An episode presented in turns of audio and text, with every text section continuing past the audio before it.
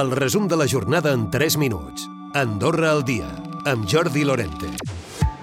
Govern no contempla en aquests moments decretar una pujada de l'IPC de tots els salaris l'any vinent. Ho farà només amb el mínim que apunten que serà la xifra de tancament de l'índex de preus al consum d'enguany, amb un extra del 2%. Per a la resta de rendes aposten de nou perquè siguin la patronal i els sindicats els qui portin la proposta sobre la taula.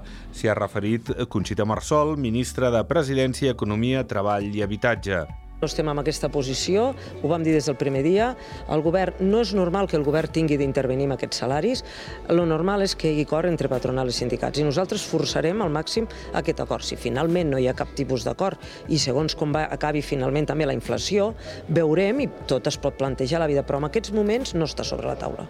Aplicar pujades de lloguer limitades a l'IPC però liberalitzant el mercat és la fórmula que defensa el vicepresident de l'Associació de Propietaris de Béns Immobles, l'Artur Oms, que es mostra molt contrari al projecte de llei presentat pel govern. Des de l'entitat se senten menys tinguts i creuen que mesures com aquesta castiguen els propietaris que actuen correctament. Vagin vostès a buscar aquells propietaris que tenen preus abusius, i a mi, doncs, potser estan llogant pisos de, de 70 metres quadrats a 1.500 euros i el, i el pis està que es cau a trossos, a mi em sembla un preu abusiu, segurament, doncs, escoltin, vagin a buscar aquest propietari i castiguin-lo amb ell. Però a mi que estic fent bé les coses, doni'm un premi, posi'm una pastanaga. Eh, si al final vostè no em posa una pastanaga i no em dona cap premi, al final potser sí que jo em tornaré també eh, cap, a, cap al lado oscuro. Des de l'Associació d'Allotjaments Turístics, recordant eh, que no es donaran més llicències d'aquest tipus d'allotjaments fins al setembre del 2025, no veuen tan malament, sempre diuen que la mesura sigui efectiva i s'aconsegueixi alliberar pisos de lloguer. I l'excap de govern, Antoni Martí, ha dit aquest dimarts al programa Avui serà un bon dia que al carrer no hi ha un ambient favorable a un acord d'associació amb la Unió Europea, per això diu que va acceptar ser observador les negociacions amb Brussel·les amb amb Jaume Bartomeu. L'ambient que respiro al carrer no és un ambient molt favorable al cor.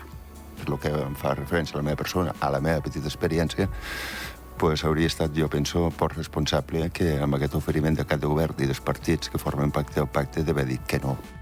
I d'altra banda, el govern ha informat que la taxa turística ha ingressat uns 6 milions d'euros des que va començar la seva implantació, l'1 de juliol de 2022. Es preveien uns ingressos d'uns 12 milions. L'executiu afirma que els turistes han percebut bé aquest gravament que ja existeix en altres estats. La cinquena edició de la trobada en recerca de feina ha comptat amb prop de 150 persones i 24 empreses.